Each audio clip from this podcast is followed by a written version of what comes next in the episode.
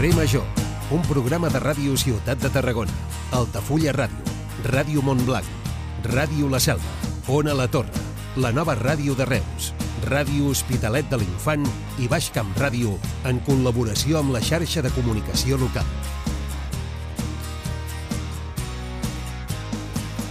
Hola, bona tarda, benvinguts a tots a aquesta nova edició del programa Carrer Major. Ja tenim president. Pedro Sánchez ha aconseguit eh, ser investit eh, president del govern espanyol al primer intent. Ho ha fet amb majoria absoluta, amb tres vots per sobre de la majoria absoluta, 179 suports. Corresponen als diputats del seu propi partit, el PSOE, Sumar, Esquerra, Junts, Bildu, PNB, eh, el Bloc Nacionalista Gallec i Coalició Canària. Aquests vuit partits han signat acords per fer possible aquesta investidura amb el compromís dels socialistes d'impulsar polítiques progressistes i avançar en el diàleg i en la desjudicialització del conflicte entre Catalunya i Espanya. En el seu últim torn de paraula, el líder del Partit dels Socialistes ha agraït el suport dels grups que han fet possible aquesta legislatura i ha recordat que, malgrat els discursos a la dreta, el seu serà un govern plenament legítim i constitucional. El no a l'elecció de Sánchez s'ha quedat en els 171 vots del PP, Vox i Unió del Poble Navarrès, que mantenen el pols al carrer contra una investidura que el líder del Partit Popular, Alberto Núñez Feijó, ha qualificat de frau. Una pressió al carrer que, de fet, avui ja no ha sigut tan important. De fet, les mobilitzacions han tingut poc, segui... poc, poc seguiment. I des dels uh, partits que donen suport a aquesta investidura van arribant allò que se'n diuen avisos per a navegants. Avui, el president de la Generalitat, Pere Aragonès, ha dit que seran exigents des del minut 1 i que és hora d'avançar en la resolució del uh, conflicte polític. Pel que fa a l'agenda, pels pròxims dies. El president espanyol podria anunciar la composició del seu nou govern durant aquest cap de setmana i el pas següent, que arribaria previsiblement dilluns, seria ja la presa de possessió dels nous ministres a la Sarsuela i l'intercanvi eh, de carteres amb els seus predecessors. Això a Madrid. A Catalunya avui eh, s'ha fet públic que el país està vivint el pitjor episodi de sequera des de que se'n tenen registres. I d'això fa més de 100 anys. Els primers registres oficials són del 1916. I el Servei Meteorològic de Catalunya ha alertat que no es preveuen pluges abundants ni a curt ni a mitjà termini. Potser li haurem de demanar ajuda a Harry Potter i el tindrem a prop, perquè la màgia de Hogwarts, i permeteu-me que us ho expliqui, perquè sóc molt friqui d'aquest món, aterrarà a Barcelona amb una exposició immersiva que es presenta ara i es podrà veure durant diversos mesos. Avui el programa també fa res màgia i us farem companyia des d'ara, des de les 4 i fins les 6 de la tarda. Estem fent l'edició 1160 de Carrer Major, el programa de les emissores del Camp de Tarragona, i el fem possible l'Iri Rodríguez, l'Aleix Pérez, en David Fernández, el Miquel, la Gemma Bufies, l'Adrià Requesens, en Jonai González, en Pau Corbalan, la Cristina Artacho, l'Antoni Mellado, Antoni Mateos, jo mateixa l'Anna Plaça i el Iago Moreno. Comencem.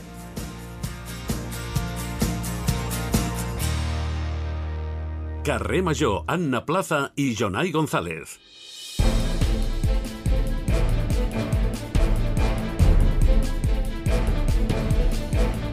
Són les 4 i 7 minuts, moment de repassar en forma de titulars les notícies més destacades del dia del Camp de Tarragona. En Jonai González ens acosta als titulars. Jonai, bona tarda. Molt bona tarda. Comencem explicant que l'aeroport de Reus ha fet aquest dijous un simulacre d'un accident aeri a les seves instal·lacions per assajar la resposta en cas d'un sinistre. L'exercici ha plegat prop d'un centenar de figurants i més de 200 efectius dels cossos d'emergències que han participat en la simulació d'un incendi d'un avió que es dirigia cap a un aeroport d'Irlanda.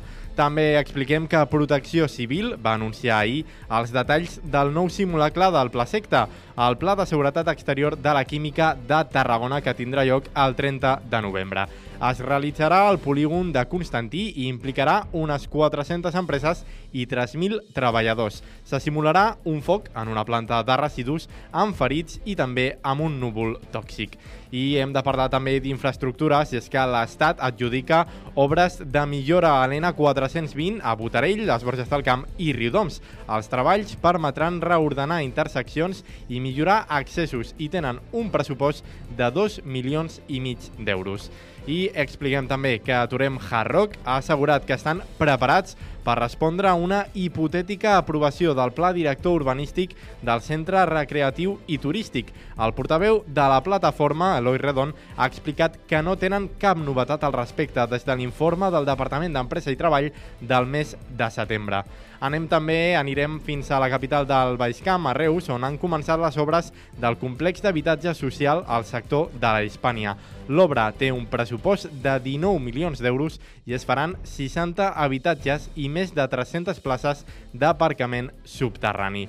I a la capital de la província de Tarragona, l'empresa municipal de transports incorpora a la seva flota els primers tres autobusos d'hidrogen verd, els tres vehicles adquirits són unitats de 12 metres i estan propulsats per un motor de tracció 100% elèctric. I també parlarem d'això d'aquí uns minuts, i és que Tarragona es convertirà en l'epicentre de l'arqueologia clàssica els pròxims dijous i divendres 23 i 24 de novembre. Serà amb la celebració de la sisena edició de la Tarraco Bienal, que comptarà amb les reunions científiques internacionals que enguany giraran al voltant de la Domus, la casa romana. I, per acabar, en cultura apuntarem que el cantant tarragoní Eloi Duran ha guanyat el Sona Nou 2023 amb el seu estil que barreja la cançó d'autor i l'indie pop electrònic. Duran ha guanyat aquesta nit el concurs imposant-se als altres dos finalistes. Recordem que l'any passat aquest concurs també el va guanyar un grup, en aquest cas tarragoní, el grup veient Figaflaues. Doncs eh, moltes gràcies, eh, Jonai. Són les notícies que repassarem a l'informatiu d'aquí no res, d'aquí mitja hora, després de parlar primer amb Antoni Mateus i després amb el nostre convidat, que de seguida us diré qui és. Doncs, uh, Jonai, fins després. Gràcies. Fins després.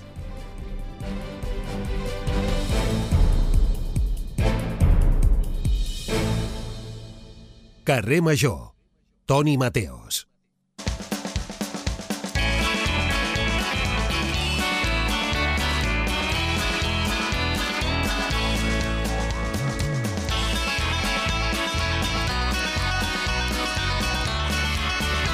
Toni Mateos. Aguamentis! Agua... Oh, mira, sé que no es, es fer publicitat d'una iniciativa privada, però m'és igual. Vull anar en aquesta exposició.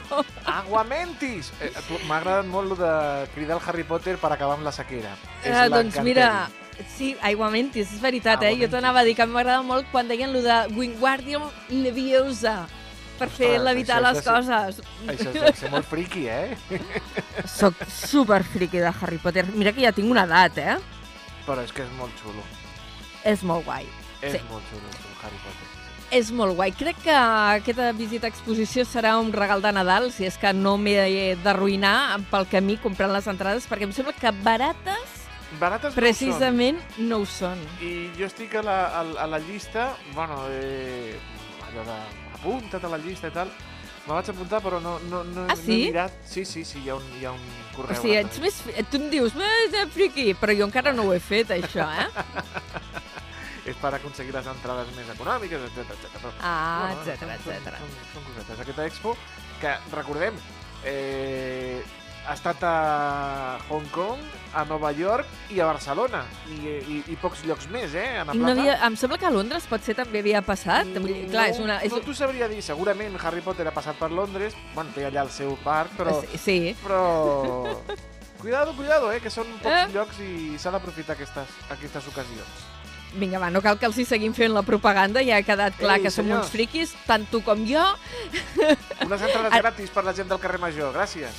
Uh, ai, uh, mira, ara us explicaré perquè te- t'explicaré una intimitat. Uh, bueno, Vinga. intimitat que no és... Avui haureu notat que ha fet els titulars sol el Jonai González, Sí. perquè mm, no sé quin infal·lible, jo també la cago, amb permís de l'expressió.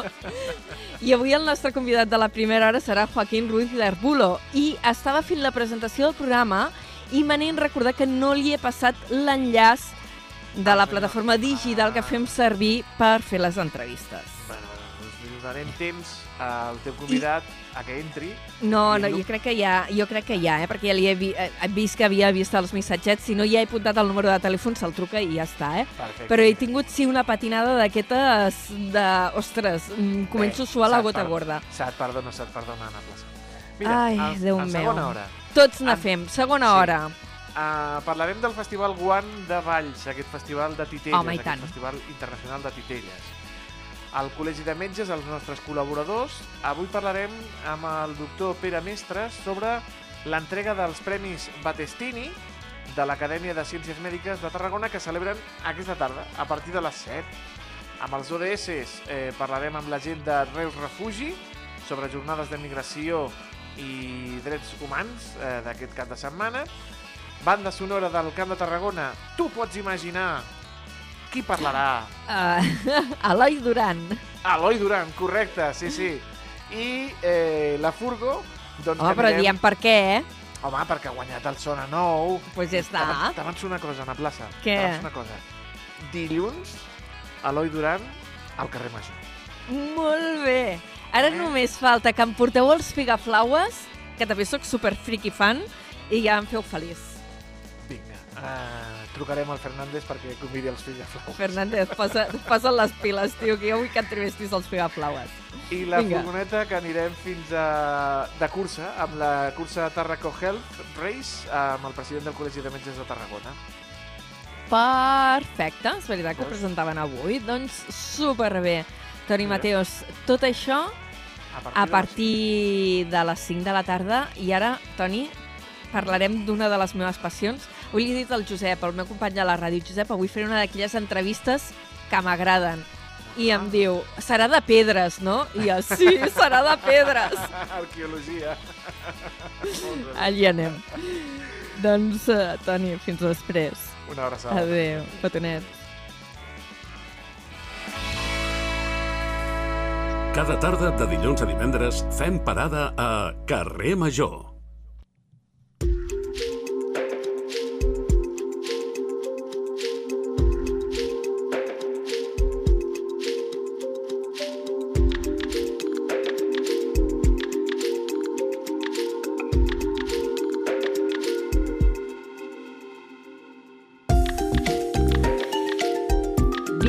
És un quart de cinc de la tarda i anem a parlar d'una d'aquelles coses que m'agraden molt, que és l'arqueologia.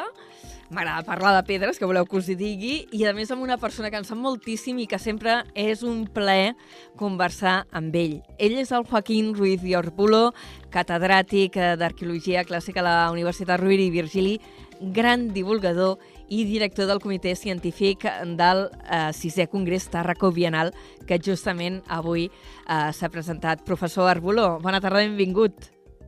Molt bona tarda, Anna. Què tal, com esteu? L'he fet anar malament perquè he enviat aquests enllaços tard. Al final fem l'entrevista per telèfon, però ens entendrem igual, o sigui que cap problema. Això espero, Eh, això de- espero que me feu, me feu patir molt, els joves, eh? Escolta'm, els nostres oients Home. no poden imaginar lo terrible que són les connexions digitals, però bueno, aquí, aquí estem. Ja, Vinga. perquè li he demanat... Ja, és igual, per telèfon, de tota la vida. I, i jo ja no sóc jove, eh? Soc més jove que vostè, però jove, jove, ja estaríem en una altra fase. Uh, Congrés Tàrraco Bienal, 23 i 24 de novembre a l'Aula Magna de Tarragona, organitzant la URB, la Universitat Rovira i Virgili, amb la col·laboració de l'Institut Català d'Arqueologia Clàssica. Heu dit avui a la presentació que durant aquests dies Tarragona esdevindrà la capital de l'arqueologia romana. Per què? Eh, Bueno, això ha sigut, com sempre, un excés. És... farem farem eh, la, la nostra funció, que és una funció acadèmica, bé, té la seva lògica. És a dir, en aquesta reunió que farem a Tarragona, és ajuntarem companys que estan treballant a tota la península Ibèrica, també a Itàlia, tota la península Ibèrica inclou també, evidentment, Portugal, i el que farem serà bueno, estudiar aquest fenomen de les cases romanes com fenomen de, de la culturació i de tot el canvi cultural que va significar la entrada de Roma a la, a la la península ibèrica. Con lo qual, a veure, l'interès de, de, de la reunió és un interès sobretot científic, però també posar en comú eh, bé, problemàtiques que són les mateixes. La gent que estem visquent a Tarragona i també a Altafulla, també a Torredembarra, també a les ciutats de l'entorn de la capital romana, igual que passa a l'entorn de Cartagena, igual que passa a l'entorn de Còrdoba, igual que passa a l'entorn de Mèrida, eh, complementem les nostres, diguem, la nostra protecció del patrimoni, som totes ciutats que som reconegudes com patrimoni mundial i eh, de, el que fem en aquestes reunions és de posar en comú les novetats, també la metodologia que utilitzem i també aprenem de, de com resolvem, anem resolvent els nostres, els nostres problemes quotidians. Amb la qual sí, eh, no, és, no és mentira que serem la, la farem de capital, però també amb un cert to d'humilitat. Eh? No farem una gran reunió científica amb centenars de convidats, no, no. Serem un grup de 40 eh, ponents amb una assistència que entorna a les 100 persones, amb la qual bueno, serà una, una reunió que esperem que sigui fructífera i agradable, sobretot agradable, que és el que, lo que ara jo crec que tots més esperem de la vida, eh? tenir, ah, sí. que, que podem passar una bona estona junts. Uh, vindrà gent de les universitats de Múrcia, de Múrcia, Alacant, Còrdoba, Sevilla, de Braga, a Portugal, ara vostè mateix ho deia, també de Pescara, a Itàlia. Uh, són universitats amb què ja realitzeu uh, treballs uh, o intercanvis d'investigacions de, de manera regular? Sí, tenim en aquests moments un grup de, de recerca interdisciplinar i, i coordinat eh, que ens eh, engloba pues, aquestes diferents universitats, també gent de València, gent de Girona, eh, gent de França, gent d'Itàlia eh, i altres companys que les hem invitat perquè són senzillament especialistes en aquests temes perquè es presentin les seves, les seves novetats en la investigació. Sí, serà una, una reunió que esperem que sigui molt fructífera i, i, i per suposat, internacional. Um, heu, ja ho ha comentat vostè, enguany el tema, perquè cada any, que, cada vegada que es fa uh, la Tarraco Bienal, que és evidentment, com el nom indica, cada dos anys. Enguany no heu triat parlar de grans monuments, enguany aneu a parlar de les cases. Per què heu escollit aquest tema en concret? Perquè les cases ens dona la clau final de, de com canvien les societats. És a dir, arriben els romans a la península ibèrica, aquí hi havia els cibers per una part, els cartaginesos, també els grecs empuritans, i totes aquestes cultures varen quedar sumeses a la ideologia romana. La ideologia romana pues, arriba amb el seu concepte de la ciutat, amb els seus déus, països, amb les seves lleis, amb la seva moneda, però eh, com podem eh, apreciar millor aquest canvi cultural? Com fa que els cibers en un moment determinat deixen de parlar iber i comencen a parlar llatí? Pues això ho veiem molt bé, lo podem veure molt bé a les cases, perquè l'espai domèstic és l'espai en el qual realment la societat eh, es mostra tal com és. Eh, un iber eh, pot ser sumès al món eh, llatí i romà i farà el que li diuen eh, políticament políticament o econòmicament, però és a la seva casa quan la canvi segons els models romans, quan podem apreciar millor aquesta evolució. I això ho podem veure, doncs, com hem dit abans, tant a Tàrraco, perquè és una de les primeres ciutats romanes que es fonen a la península ibèrica, com en altres ciutats que es fan més tard, com pot ser Mèrita, eh, Mèrita Augusta, eh, l'actual Mèrida, però també tenim una Cartagonova, la, la capital dels púnics, on tot aquest fenomen lo tenim amb les dues cultures i és, per tant, aquest món de de les cases, on podem veure l'element de la religió domèstica, l'element de la decoració de les cases, eh, amb els mosaics, amb les pintures murals. Tots hem pogut recordar, o molts hem tingut l'oportunitat de, de conèixer de primera mà Pompeia, on podem veure aquestes cases meravelloses. Doncs bé, aquí podem veure com aquestes eh, imatges eh, pompeianes arriben a la península ibèrica i si són exactament igual, si es transformen, si hi ha aspectes locals que també influeixen. Això és el que intentarem copsar amb la nostra reunió. Eh? Veure tot això, aquest melting pot eh, que diuen els anglosaxons, aquest puré eh, que, se va, que se va construint amb els, eh, les arts decoratives, amb l'arquitectura, eh, com, com queda plasmada i com després va evolucionant. I, i com, es, uh, com es transmetia aquesta moda arquitectònica decorativa, no? Perquè ara deia, aquest model de Pompeia que va anar estenint-se... Clar, avui tenim les uh, revistes de decoració. En època romana, aquestes modes i aquests diferents models com s'anaven estenent pel territori? Doncs d'una forma capilar, és exactament el mateix que fem nosaltres ara, eh, en fem en realitat, perquè sempre jo insisteixo, eh, que encara som molt romans, encara moltes de les coses que fem los fem igual perquè els nostres avantpassats de fa 2.000 anys ja ho feien així. És a dir, hi ha eh, modes de prestigi que les classes dominants tenen que canviar els seus costums, per què? Per demostrar eh, la seva, la, la, diguem que són els que manen i que ho fan amb l'última moda. Anem a, anem a pensar, fa uns anys, per exemple, es va posar de moda que es tenia que tenir, un, un ja no podia viure a la ciutat, tenia que viure en una casa pareada a les rodalies de la ciutat. Això és un model anglosaxó de, de, de forma de viure i ara quan anem, probablement si anem ara a, a Altafulla, quan entrem a Altafulla veurem eh, aquests barris de cases pareades. I en una casa pareada la, un tenia que tenir una casa, recordo, eh, parlo de fa 20-30 anys, la casa tenia que tenir un jacuzzi. I per què un jacuzzi? Aquestes banyeres amb, amb, amb molts xorritos d'aigua que sortien de, de tot arreu. Perquè era la moda i si no tenies la casa en jacuzzi semblava que no, no, no, no eres ningú. Estic fent una broma, però d'alguna sí. forma això és veritat. Eh? Aquests models de comportament eh, han sigut eterns. De forma que ara podem estudiar com es creen aquest model, no? de que la casa té que ser una casa de tipus itàlic, amb un atri, i després amb un peristil, i amb uns mosaics, i amb unes pintures murals. Els poderosos ho feien, i és curiós veure aquest fenomen d'imitació, com se va estenent, i per capilaritat va arribant pues, des de les grans ciutats primer, després amb les ciutats més petites, i a poc a poc això se va estenent.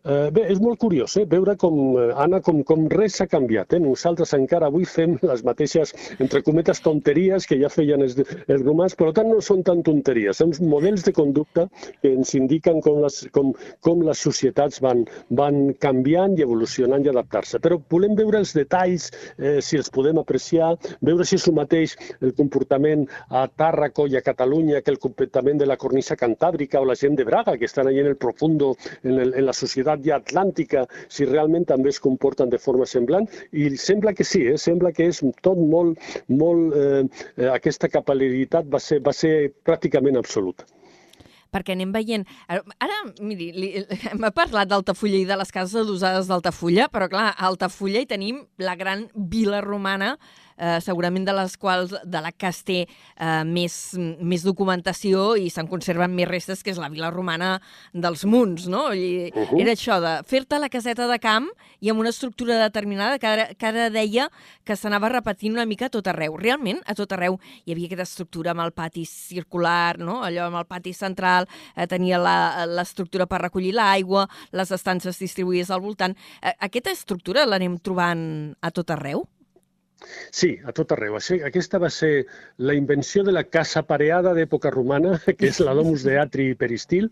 Eh, va, bueno, va ser realment un èxit eh, és veritat que era un modo eh, còmodo de viure, repeteixo, estem parlant de les classes dominants, eh? només la sí, gent sí. aristocràtica podia tenir aquestes cases, per exemple, la Vila dels Munts, però no està mal que recordem que l'origen de la Vila dels Munts, una gran casa senyorial molt ben situada, a prop de la ciutat, a prop també de la Via Augusta, amb les seves eh, plantacions a prop, eh, molt al, cantó del mar, amb la qual tenia totes les avantatges, bueno, aquesta casa va pertànyer a un senyor, a un soriano, eh, a un senyor de Soria, a un senyor d'Augustòbriga, eh, Valerius Avitus, que va ser el seu, el seu propietari. Jo sempre comento, quan dono conferències i parlant de la, pues això, eh, de, de, de com es vivia al camp en època romana, que aquest senyor lo podem considerar el primer turista de, de l'època romana. De segona residència. Poderós, que, que clar, ara imaginem aquest senyor que venia de, de la seva Augustòbriga, que Augustòbriga és muro de Àgreda, eh, a sota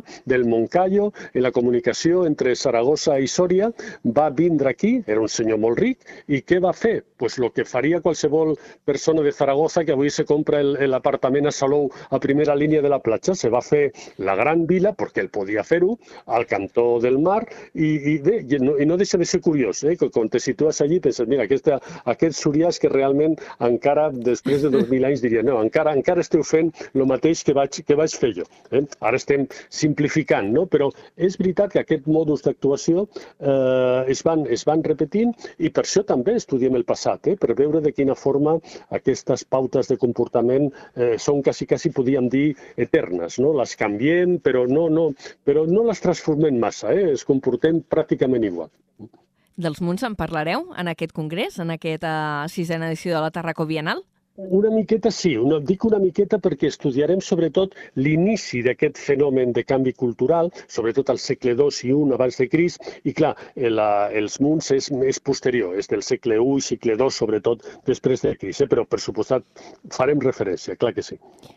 Avui en la presentació també explicàveu que a Tarragona, eh, a Tarragona ciutat, eh, a la capital, eh, no es conserven domos senceres perquè la zona residencial, eh, que seria la part baixa de la ciutat, allò mm, després s'hi va urbanitzar i s'ha perdut.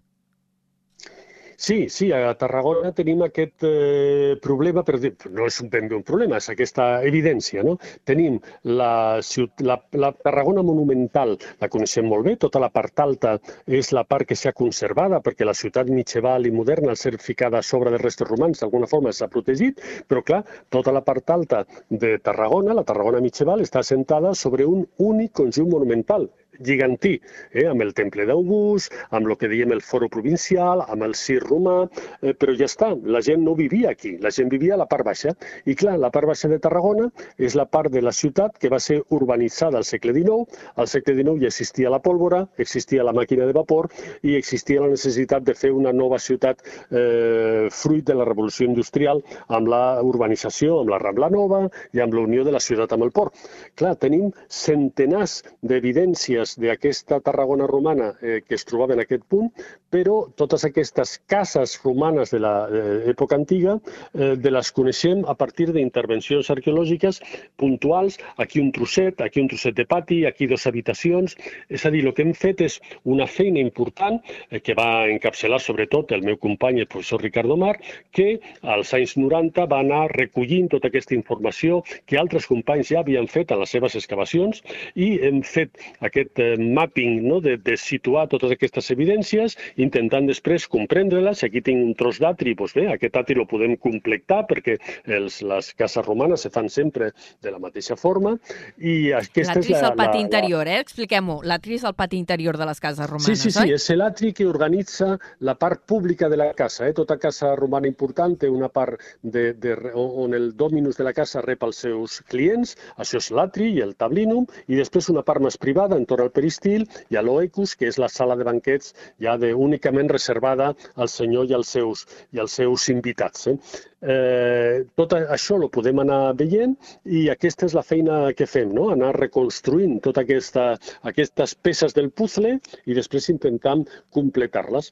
Però eh, tot això, eh, com dic, eh, no, no tenim la sort, que a diferència, per exemple, d'Empúries, on podem arribar a Empúries i veiem tota la Neàpolis amb totes les cases eh, completes, perquè, clar, Empúries no té una ciutat ficada a sobre. Eh? Aquest, per això mm. treballem conjuntament i comparem els jaciments arqueològics, perquè el que ens falta en un, lo tenim en, en un altre. Eh? I d'aquesta forma veiem com s'estableix aquest, aquestes línies de, de comunicació i de transformació a l'Aragó d'època romana, després a la vall del, del Duero eh, i arriba fins a la cornisa cantàbrica o fins a Braga. Eh? Hi ha un company que es vindrà a parlar d'un castro preciós amb una, una gran domus romana, però està en un castrum eh, al mig de la serralada dels Asturs, és a dir, que aquest model de, de casa romana va arribar realment a tot arreu. Això és el que estudiarem. I, I en aquesta tàrraco urbana, eh, en aquesta part residencial, com, com l'hem d'imaginar? Eren tot casetes, eh, domus, amb aquesta estructura de pati central, eh, eh, amb les habitacions distribuïdes al voltant, o també hi havia els edificis de la gent més, eh, més humil, més pobra, que, que vivien en coses equiparables als pisos d'avui? Sí, sí, sí, sí, era, realment era així. És a dir, és com ara que podem anar a un carrer i tenim una gran casa, però després l'altra casa s'ha compartimentat en cases més petites. Eh? A la part baixa tenim molts exemples. Doncs el mateix es feia ja en època romana.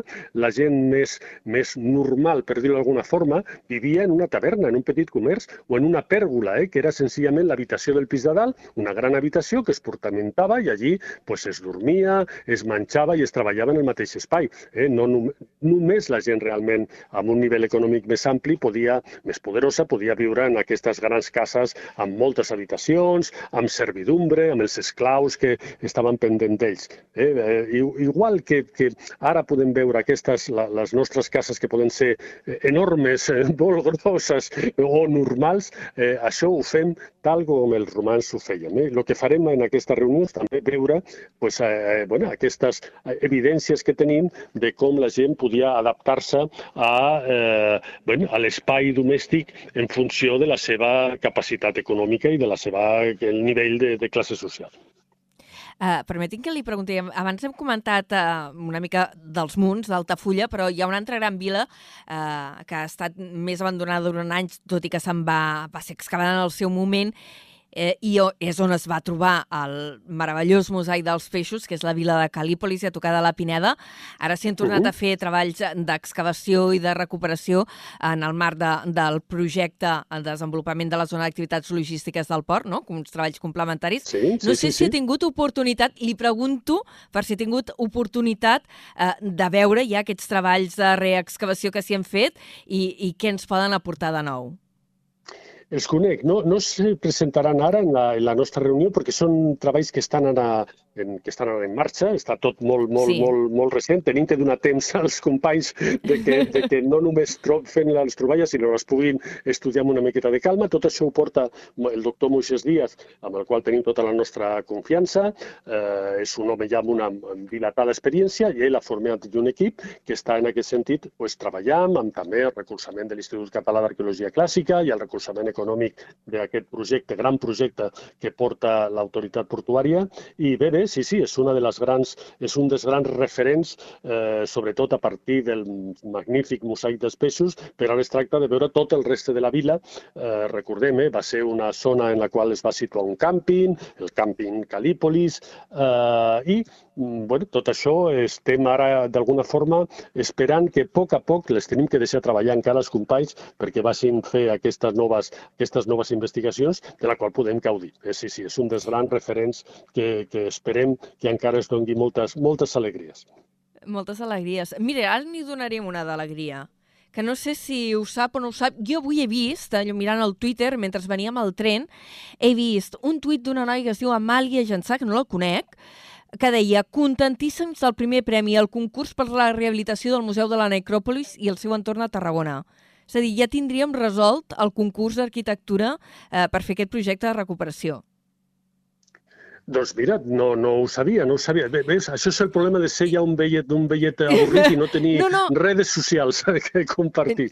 Però sí que és un del, dels grans aspectes, de, bon, dels grans temes, eh, que estem ara eh, esperant una miqueta que es vagi desenvolupant, ja és, ja és bo saber-ho, i bé, bé, és una molt, és una molt bona notícia, Anna. T'agradeixo la, la, la confiança i compartir-lo. Eh? Això serà jo... molt bo per tots ho sé extraoficialment a través d'un tuit. He parlat amb Cultura de la Generalitat, però bueno, és allò que no ho he acabat d'aclarir, si ja eh, està resolt del tot, si encara queda alguna cosa, si, si es farà la licitació, l'adjudicació directa amb aquesta gent, no ho sé, eh? Però simplement he vist aquest tuit i he dit, ostres, això avança, no? Perquè, pobra Necròpolis, L'any passat que s'hi van fer eh, cosetes a Tarracoviva i que hi vaig estar dintre del que era eh, l'edifici central que hi havia al museu i dius, uh -huh. ai, està caient i és tan xulo tot això. Doncs sí, sí, no, no, és veritat, és el gran problema. Tenim que pensar que aquesta va ser la gran aposta de Serra Vilaró, que va ser capaç de convèncer a Calvo Sotelo, el ministre de la dictadura de Primo de Rivera, que va fer la seva inversió directament. Eh? Calvo Sotelo, ministre d'Hisenda, va fer una aposta personal seva i gràcies a, les seves, a, a la seva aportació econòmica es va començar a fer el museu i mentre s'estava construint, Calvo Sotelo va dimitir i al mes següent va caure tot el govern de Primo de Rivera, amb la qual és un fenomen que jo també és, és curiós de veure, eh? perquè vàrem tindre un museu que si fos avui en dia tot hauria quedat parat, però bé, com ja s'havia començat, varen ser capaços només en un any eh, d'acabar aquest edifici i, desgraciadament, bueno, també va ser la casualitat, lo varen fer construint-lo amb, un, amb el que llavors era el material de moda, eh, un, un, un material, un formigó amb un contenit d'alumini, això després va provocar les famoses aluminosis que van fer que aquests edificis pues, bueno, tenen problemes d'estabilitat greus, ara ho tenim encara tancat, però gràcies a, bueno, a la sort, a la fortuna, el ministre de Cultura es va interessar per aquest tema, el ministre de Cultura, recordem que és eh, català, i gràcies a això, doncs bé, en aquest moment tenim ara un projecte en, en marxa amb l'ajuda del ministre Miquel Iceta per eh, bueno, tirar endavant aquesta nova, eh, diguem, re, diguem, posar en marxa de nou aquest museu de la necròpolis que lo tenim ja tancat des de fa massa temps. Ja fa massa temps que està tancat, per tant, això sí que és una molt, molt bona notícia que aquesta feina ja hagi sigut encarregada i tinguem ara un nou projecte per desenvolupar. El, la necròpolis paleocristiana, més o menys, ens té que ajudar a posar en marxa, a posar en valor tota la part baixa de la ciutat de Tarragona. La gent ara, la visita està molt condicionada només a la part alta. La gent sap que té les muralles, que té el foro provincial, que té el CIR, meravellós, que té l'amfiteatre, però tenim que fer que que els nostres visitants baixin cap al Francolí, puguin passejar per la part baixa perquè la visita duri més temps, podran veure el, el teatre, podran veure el foro de la colònia i tot això ara és important que tingui aquest nou referent, no, no aquest nou, eh, que tingui de nou el referent de la necròpolis paleocristiana en aquesta visita. Sí, sí, aquesta serà una notícia, és una notícia important i serà molt bona per tothom. Doncs de moment eh, s'ha fet públic així d'una manera bastant extraoficial, des dels canals oficials encara no ho he explicat, però suposo ho explicaran en els pròxims dies. Professor Arbulo, eh, li agraïm molt que avui hagi passat pel, pel programa Carrer Major eh, i que vagi molt bé aquesta sisena edició del Tarracó Bienal que, que fareu la setmana vinent parlant de cases romanes. Moltíssimes gràcies, Anna, i sobretot moltes gràcies a vosaltres per el vostre interès. Sé que esteu sempre pendent eh, i, i bueno, això és, és molt agradable, que tots anem amb la, amb la mateixa direcció. El nostre patrimoni és un patrimoni que ho tenim que compartir. Eh, és el, quan, quan es varen fer Patrimoni Mundial va, es va fer un eslògan que deia eh, Tàrraco Patrimoni de tots i jo lo assumeixo, eh, i és molt veritat. Tots tenim que, que gaudir d'aquest patrimoni i molta gent estem treballant perquè això sigui possible. Gràcies a vosaltres. Gràcies a la vostra tasca de divulgació. Fins després, professor. Adéu-siau. Adéu, molt bona tarda. Carrer Major, al Camp de Tarragona, des de ben a prop. Vinga, Va, que ens queden... una abraçada. El professor Boló, que sempre és un plaer parlar amb ell. Eh, ens queden uns 20 minuts per repassar l'actualitat, que avui és densa. I comencem parlant d'un simulacre, el que s'ha fet avui, aquest matí, a l'aeroport de Reus i que ha finalitzat amb èxit. Jonai, bona tarda de nou. Molt bona tarda de nou. Un centenar de figurants i més de 200 efectius han participat aquest matí en l'operatiu. Ens ho explica des de la nova ràdio de Reus, en David Fernández. En el simulacre s'ha fet veure que es cremava un avió que sortia des de Reus cap a un aeroport d'Irlanda. Per tant, s'han activat tots els protocols pertinents. Primer, el pla d'autoprotecció de l'aeroport i després el pla Aerocat dirigit des de Protecció Civil. Àngel Xifré és el delegat del govern a Tarragona. I a través d'aquest exercici doncs, el que fem és posar en pràctica allò que eh, està sobre paper. No? Per tant, per nosaltres és molt important aquest tipus de simulacre i sobretot, sobretot, sobretot valorar la coordinació que hi ha hagut entre l'aeroport, els cossos de seguretat de l'Estat i també doncs, els cossos d'emergència de la Generalitat de Catalunya. Més de 200 persones del Servei d'Emergències Mèdiques i un centenar d'actors han participat en l'operatiu. Això ha estat aquest matí. Protecció Civil, però ahir a la tarda presentava el nou simulacre del Pla Secta, el Pla de Seguretat Exterior de la Química de Tarragona, que es farà a finals de mes, concretament el 30 de novembre. Es realitzarà al polígon de Constantí i implicarà unes 400 empreses d'aquella zona i uns 3.000 treballadors. El govern català presentava ahir dimecres els detalls d'aquest exercici que simularà en un accident en una empresa de tractament de residus amb ferits, foc i un núvol tòxic. En el simulacre s'activaran tots els serveis de seguretat i emergències i també hi prendran part ajuntaments i ciutadans de Constantí.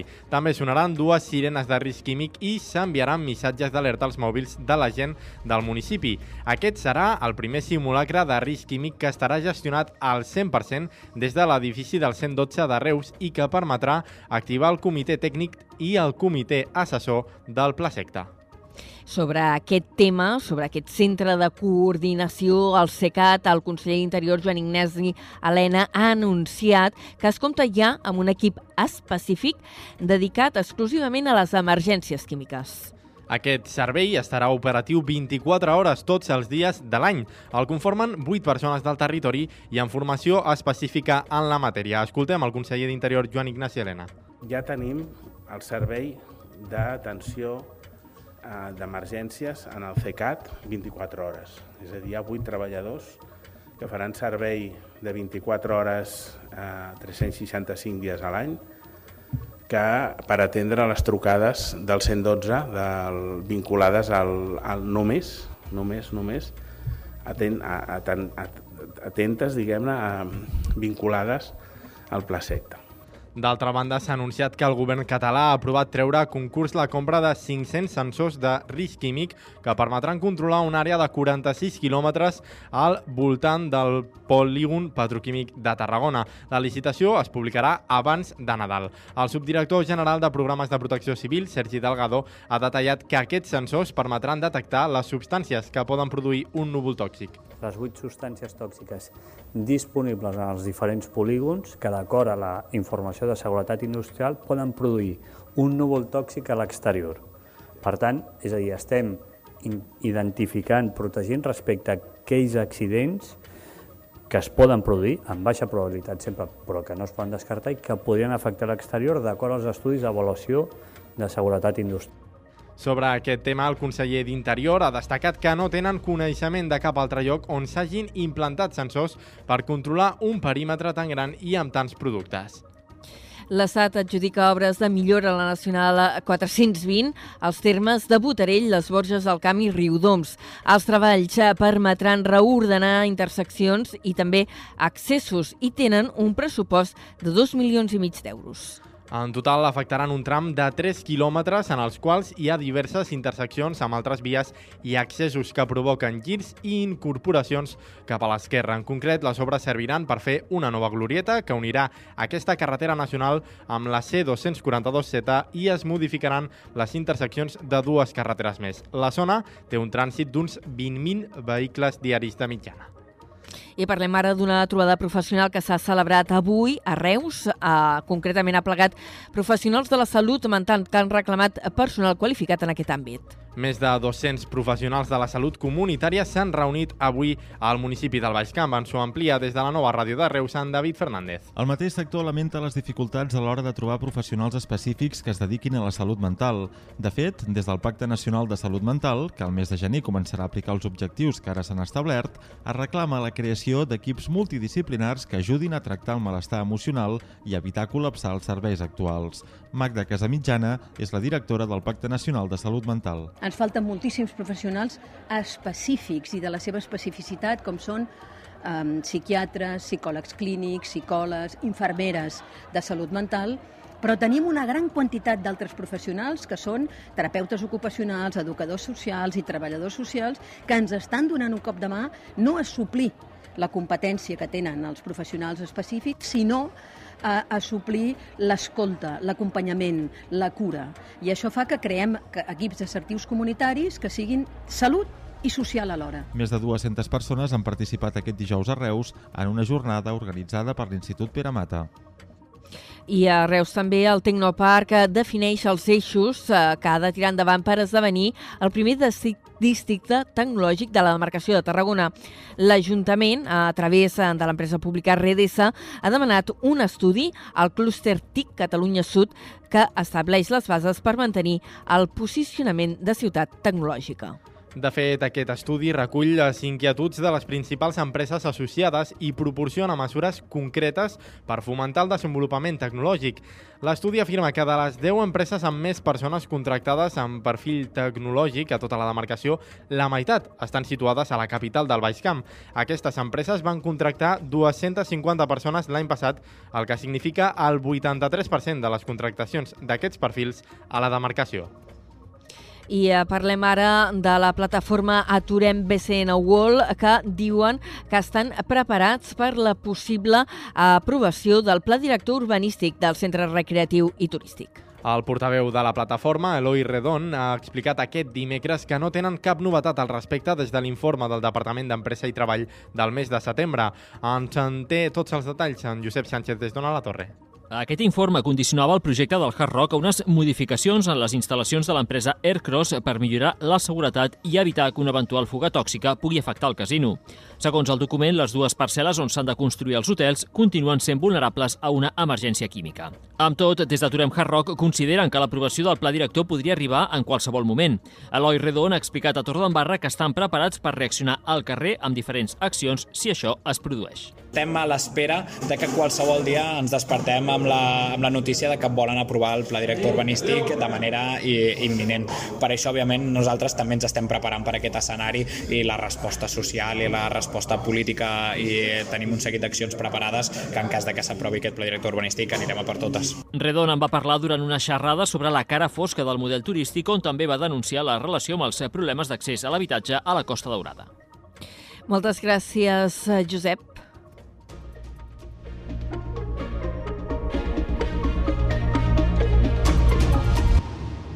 4 i 47 eh, minuts. Ens endinsem a les notícies més estrictament locals.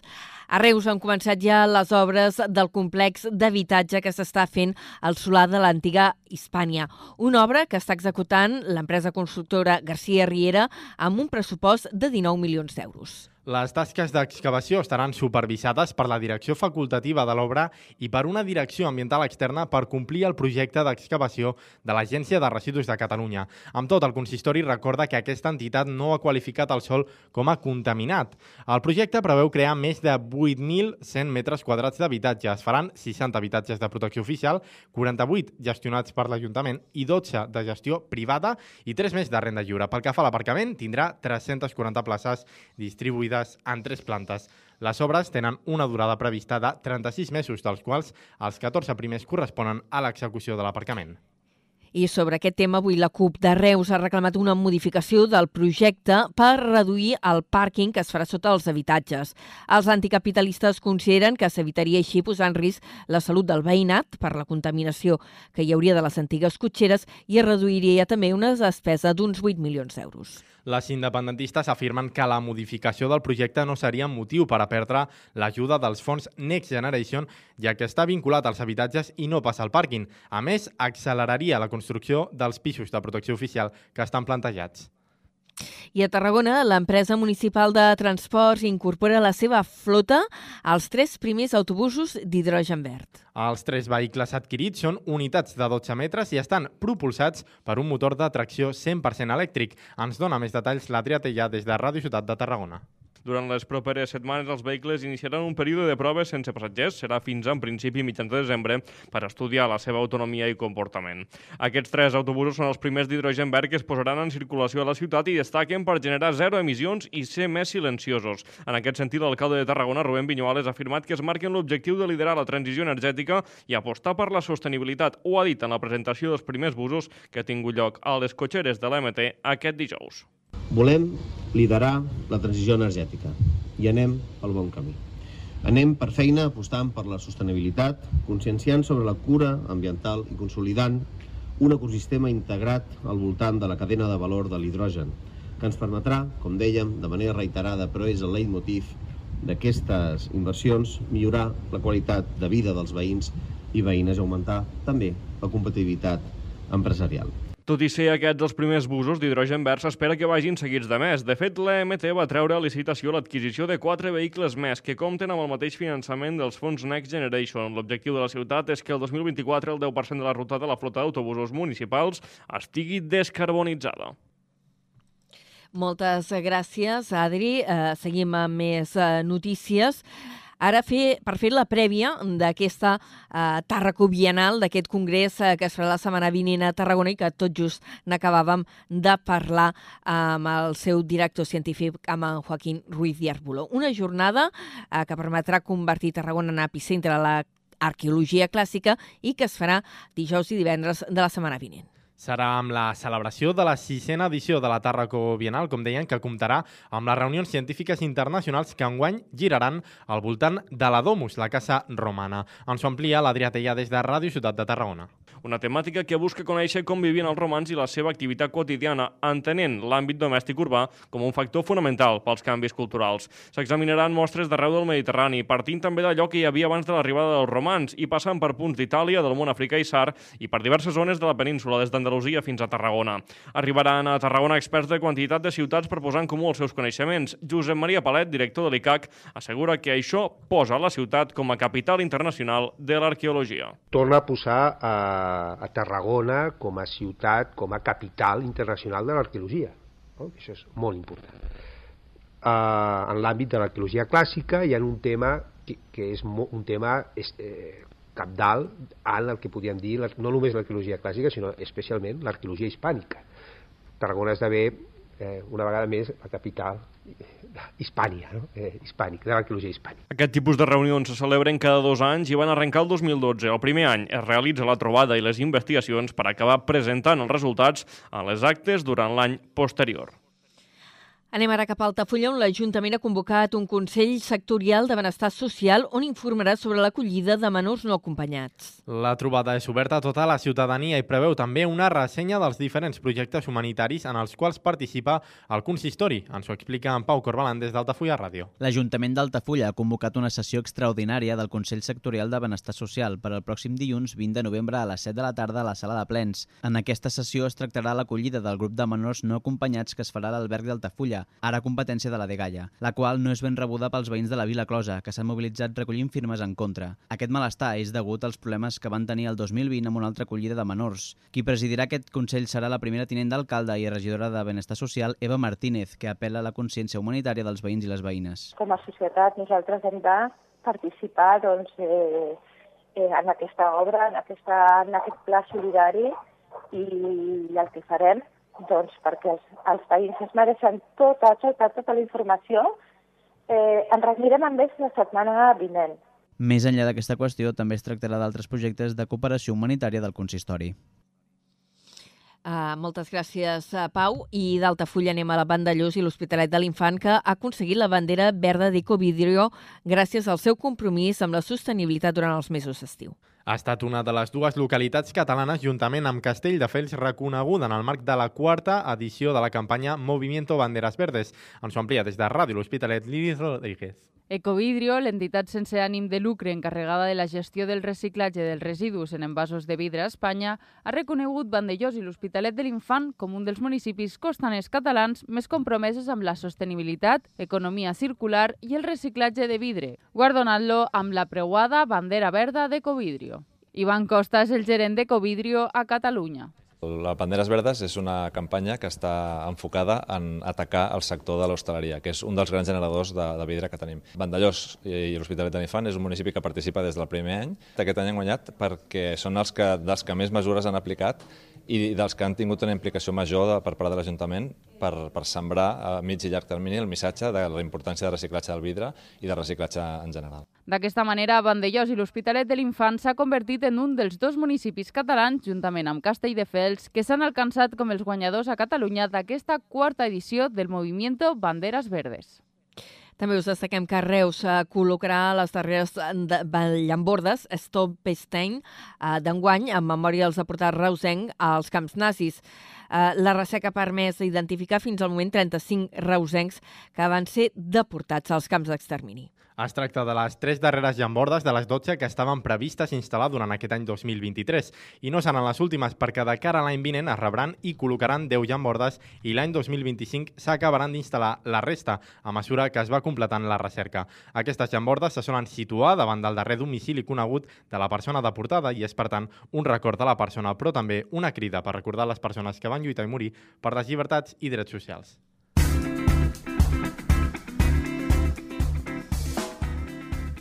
I en cultura destaquem un nom propi, el del cantant tarragoní Eloi Duran, que ha guanyat el concurs Sona Nou. el seu estil que barreja la cançó d'autor i l'indie pop electrònic, indie pop, ha guanyat aquesta la nit passada al concurs, imposant-se a altres dos finalistes. La gala es va celebrar a la sala Luz de Gas i va comptar també amb l'actuació dels guanyadors de l'any passat, també de la demarcació, el grup veient Figaflaues. Eloi Duran s'ha mostrat il·lusionat i honorat pel premi. Que el xulo és que crec que per concepte, que es diu indie pop que cura el cor, té un objectiu molt concret, que és intentar com d'alguna manera sanar ferides que jo tinc quan faig les cançons i que aquestes arribin i puguin ajudar altres persones sense ser pretensiós, sinó com de si t'ajuda el guai, si no, que t'arribi el que t'arribi però a la vegada et permet com molta llibertat a nivell musical d'explorar estils diferents, més concrets. Duran ha assegurat que té la motivació per fer un disc més llarg i el cantant s'ha guanyat també la signatura d'un contracte discogràfic. Doncs amb aquesta notícia tanquem la primera hora de Carrer Major. Fins després. Adéu.